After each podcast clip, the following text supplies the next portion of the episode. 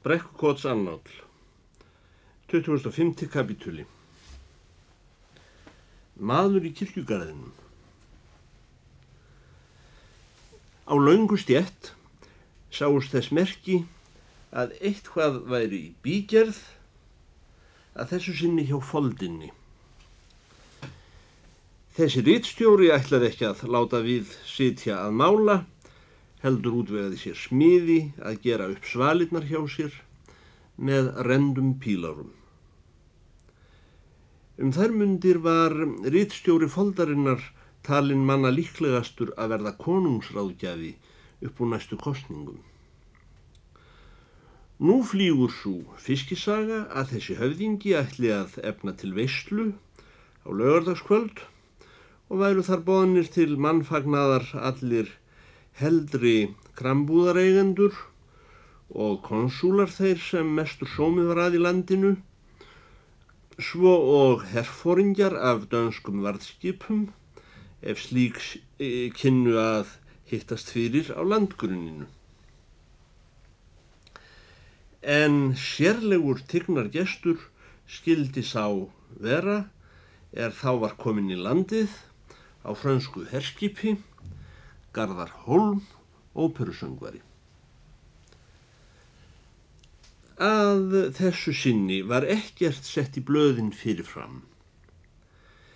Því menn höfður einslu af því að vissara sé að hafa vaðið fyrir neðan sig þegar talaður um fræðar menn. En þó horti væri auglýst, nýja prentað að sinni, Þá gat bæjarmúrin sér þess til að svalinnar veru píláraðar upp til þess að Garðarholm geti stigið þar fram að heilsa landinu með söng þegar hann veri búin að borða. Það var einn síðsumar morgun á Suðurgötu. Hafrænan hefði enn ekki náð að anda yfir nesin. Tjörnin var kýr og fögur utan einstöku ála bóði. Þá er ég eftir venju á fótum fyrir allar aldir að láta kúna býta grasbrúska undan hlaðsteinum. Ég hafði hana í tjóðurbandi svo hún fær ekki á spítugerðið fúna sem hvarfum kálgarðin. Ég sitt á steingarðinum út við götuna og er að hlusta á kúna býta í logninu rétt um það bíl sem byrjar að rjúka upp úr strómpinum hjá henni ömmuminni. Það voru helst öngvir komnir á fætunum með einstökum mókallar með raukt skegg sem sátu upp á grindarvagni hátíðlegir eins og biblíumindir. Berjandi latan klár á leið suður í Vasmíri þar sem verið hafa mógrafir meiri en annar staðar í heimi. Ekkja hljóðið í pútonum er um það bíl að komast í hápunkt með öllu því áhuga mikla húmorleysi sem er aðal hænsna stíunar þá heyri ég að járngrindinni er lokið upp í gangliðinu á kirkjugarðsmólunum. Það syngur í hjörunum. Þegar ég lít við, sé ég hvern mann koma út úr kirkjugarðinum og stjalla á eftir sér. Feita glansandi stúlku á dönskum búning með kápuna flýpandi frá sér og heldur í annari hendi hattinum sínum á tegjubandinu eins og hún bæri skjólu. Fyrst horfi hún á mig á þess að sjá mig. Hún var í þöngum og ég gæt mér þess til að hún hefði tekið daginn snemma til að ganga upp í kirkjugarð að syrja látin vín hún eh, tók stefnu honni bæ. Einhvern veginn síndist mér hún hálf hnugginn í göngulagi Að minnstakosti vandaði hún ekki gang sinn eitt sérstaklega og hárið á henni var úfið af vindi sem þó hvergi var nær. Þegar hún hefði gengið svo sem hundrað faðma í áttina nýri bæ, þá nefnur hún allt í einu staðar og lítur við. Hún leita á mig og kinkaði til mín kolli úr fjaska. Eftir vill hafði hún verið svona lengi að koma fyrir sig þessum strák sem satt þarna belju á gróðvegnum. Nefn að snýr hún ekki við og stefn til mín aftur. Þetta var mikil stúlka að öllu leiti og jafnvel enn meiri að framann en að aftan. Eftir vill hafði hún etið of mikið fransbröð Mér fór ekki vel um sel. Ég var óvanur að sjá hvem fólk og fannst það hálf óþægilegt. Ég vildi hún hefði tekið að sér kápuna. Þegar ég sá að hún ætlaði til mín, fór ég að líta undan og var farin að horfa eitthvað allt annað þegar hún kom að mér. Kýrin helt áfram að býta. Góðan daginn, sagði stúlkan. Góðan dag, svaraði ég dræmt og horfið út í bláin. Það er gott veður í dag, sagði stúlkan og reyndi að vera alþýðleg í viðmóti. Já, svonni meðalægi, segi ég. Er að ganga mér til skemmtuna, sagði hún. Læknirinn segi ég sé á feit. Þegar hún kom nær var ekki trútt um mér syndist hún yfir tekinni framann og hefði fallið á gljáan í augunum, húðin ögn bláleit undir hormónum og það var hei í hárin á henni. Þekkir þú mig ekki, saði hún. Að minnst að kosti þekki ég þig. Hvað heitir nattur? Langaflón, saði ég langa, ha, akkur er þetta skrökvað mér? Heldur ég sé svona vittlaus? Þú ert með rusli í hárinu, sagði ég. Hún fór upp í hárið á sér og týndi úr því strá. Það er svolítið mosakló eftir, sagði ég. Ó, hvað ég er fegin og segi mér frá því, viltu taka það úr fyrir mig að því ég hef ekki speil? Þegar ég var búinn að týna það sem eftir var úr hárun á henni, saði hún. Má ég spyrja þig um svolítið? Hún tók upp ljósmynd úr kápuvasa sínum og rétti mér. Á myndinni var tæflega miðaldra kvennmaður með tvö börn, dreng og telpu.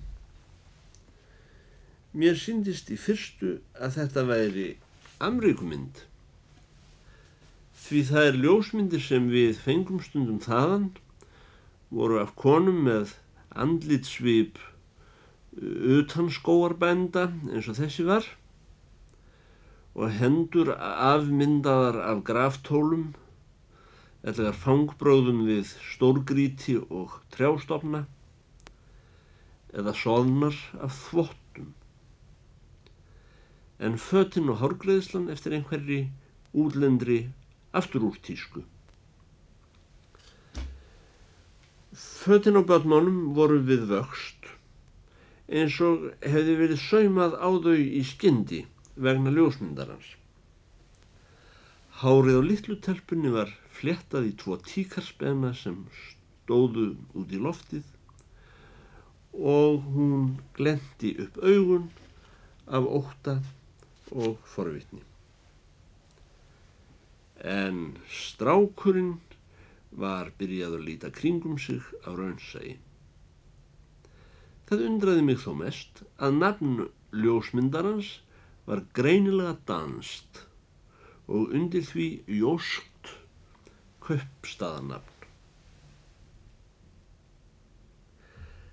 Af hverjum er þessi mynd? spurði litla fröken Guðmundsson. Hvernig og ég að það, svaraði ég. Hvar hefur þið fengið hana? Ég fann hann upp í kirkjugarði, sagði stúlkan. Það var einkennlegt, sagði ég og horfið hissa á, á stúlkuna. Hún láð þar á leiði, sagði stúlkan. Ertu vissum þú kannist ekki við hana? Ég sagði að það var af og frá. Fyrirgeðu, sagði hún. Og verðt sæl. Heyrðu, hvað ertu annars langt komin í skóla? Ég sagði henni það, svona hér um bil. Hún spurði, hvað ætla að verða? Ég ætla að veiða grásleppu, sagði ég. Æ, verður nú ekki alltaf að stríða mér, sagði hún. Jæja, nú fer ég heim að sofa. Heldur ekki ég sé byrjuð að megrast? Svo ég rjúti úr einu í annað, heyrðu, hvað er svona skildur honum garðari?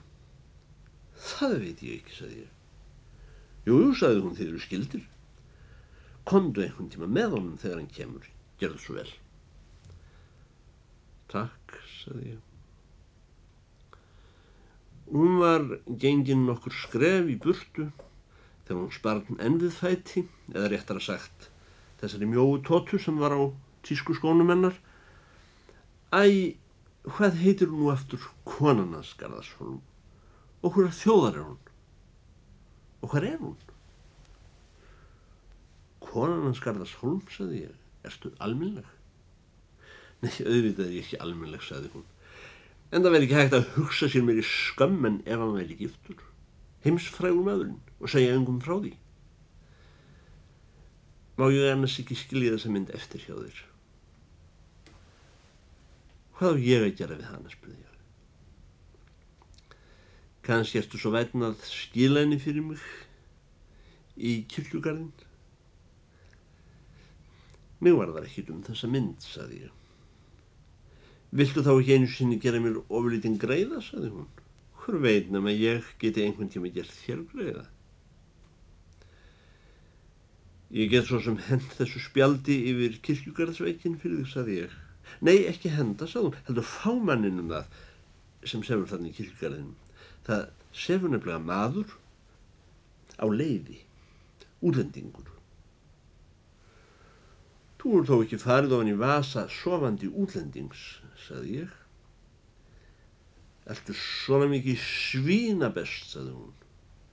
En þó þú haldir svona ljótt um mig, þá vona ég í lengst lög, þú talir ekki um það við neitt. Kanski ger ég þig greiða setna. Vert sæl. Að svo meldu lagði stúlkan á stað heimáleið einu sinni enn. Í þetta sinn sneri hún ekki við aftur. Ég satt á grjótgarðinum með myndina í hendinni og horða á eftir henni. Kýrin helt áfram að býta. Það var komin indislegur þefur af móreik úr strompinum hjá henni ömmunni. Þegar stúlkan var úr auksín fór ég inn í kirkjugarð að svipast um eftir útlendingnum sem mér skildist litla fröken Guðmúsen hefði farið í vasa hans þar sem hann svaf á leiði og stólið mynd af konuna hans. En eh, hvernig sem ég leitaði fann ég einhvern mann sofandi á leiði í kirkjugarðinum. 27. kapitúli Tóknin Prúðbúnir gestir drifu að hjá rítstjórafóldarinnar í ljósaskiptunum þetta síðsumar kvöld og það var heldur en ekki búið að kveikja. Þegar leið á kvöldið fór bæjarmúur að sapnast fyrir á götunni. Þar voru þeir komnir sem horki höfðu á hyggjur af undirbúningi veislunni vanda af því að sitja hana, svo sem eirarkallar og sjómenn í jakka utanur peysunni. En menn af þessu tægi voru í mínu ungdæmi nefndir tómtúsmenn af því þeir áttu fullt hús af börnum en öngva kú. Svo og bakarar þeir og smiðir sem stopnuðu borgarmenningu á Íslandi með því að koma sér upp hörðum hatti, standflippa og stokk. Þessir menn sem lifa í síkildri hættu að þeir verði hengdir hóri annar stað og konur þeirra. Þar voru komnar saltkellingar sem búið var að reka af eirinni fyrir ellisækir en um það leiti höfðu Íslandingar fyrstir manna sett lög um ellistyrk. Þó sá styrkur gerði reyndar ekki meira en hrökkva fyrir tvíbökum. Myndastúrkur á íslenskum búningi sáust á strjálingi, sumar ættaðar ofan úr sveit, aðrar sunnur fyrði. Leiðinlegi drengslánar á manngildi við mig sjálfan voru að slugsa þar.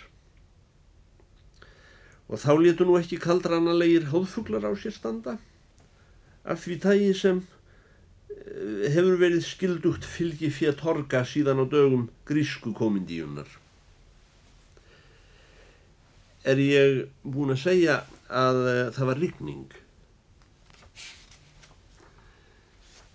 Það leið og beð og við stóðum fyrir utan í síðsuma regninu.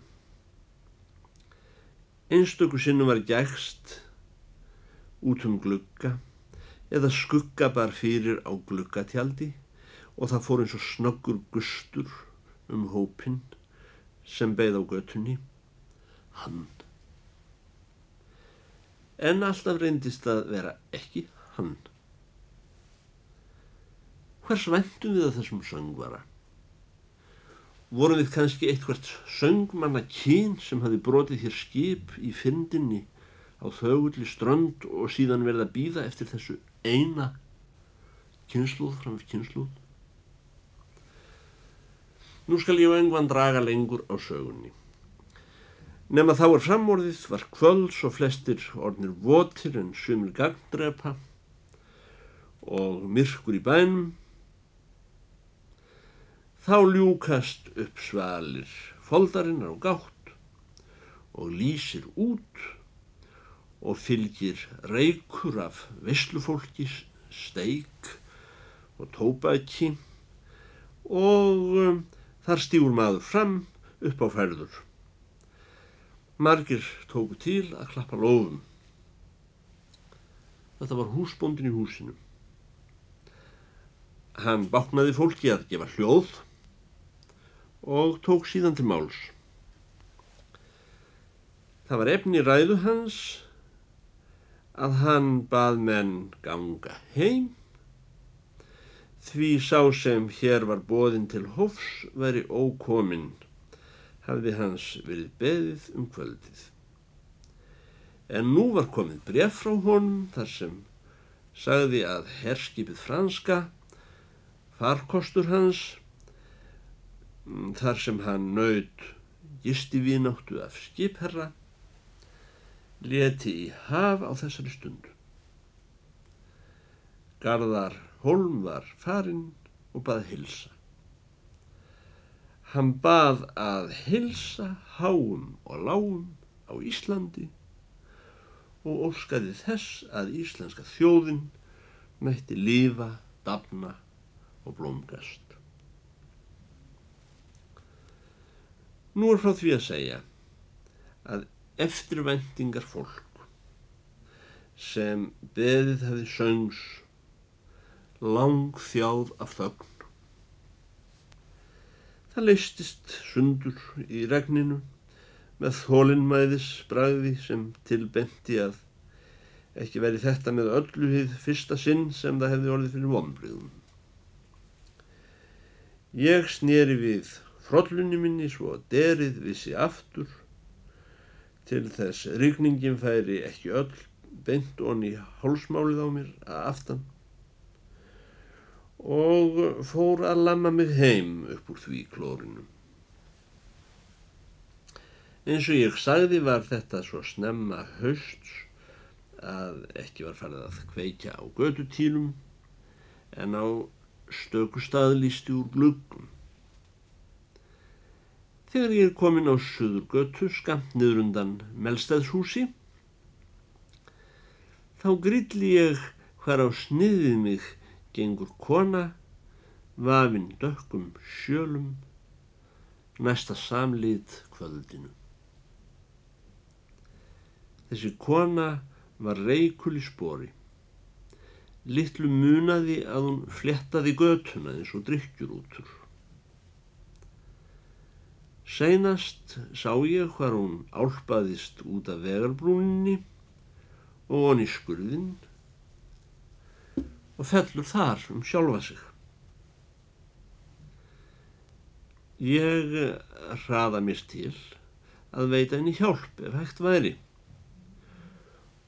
og þá sé ég að þetta er hún Kristín okkar í ringjarabænum. Þið Kristín mín, segi ég, og reys hana upp og kem henni aftur upp á götuna. Hún var auðvitað dáliti blöyt og forug upp úr skurðinum. Ég er orðin eitthvað svo skjelving, náttblind, sagði konan, sér til afsökunar. Líkt og við vissum ekki öll sömul hvað henni var ferð að raka með sjón. En þó ég hefði reist hana upp, hjælt hún áfram að bóra og þræfa fyrir sér á götunni. Að lokum fundu við það sem hún leitaði að. Það var karvanennar.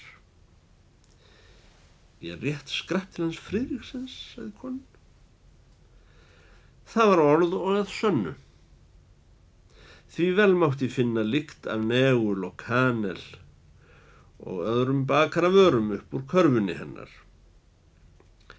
Ég bauðst til að leiða hana og hún þáð það og tók um höndin á mér. Ég fann fljótt að hún var öll blöð og hlaut að það var staðið að minnstakosti jafn lengi og ég út í rykningunni. Það mér í blessu deyfan þetta, saði konan, að maður skuli verða gagndrepa að var skreppa hérna til hans Fridriksens bakara. Ég leiti hann upp brekkuna allarleið heim til hennar í ringjarabægin. Það var auðvitað dimt á gluggum og ekki lífsmark með húsinu því ringjarinn var dauður fyrir 25 árum og svo kýrin. Hafðu sæl stutt mig barni gott, saði konan. Hún tók ekki mark á því hvað ég var orðin langur, nema hvað hún var hægt að gefa mér þessa skildugu tíu öyra eins og forðun, því miður. Kondu nú inn og fáði einhvern sopa.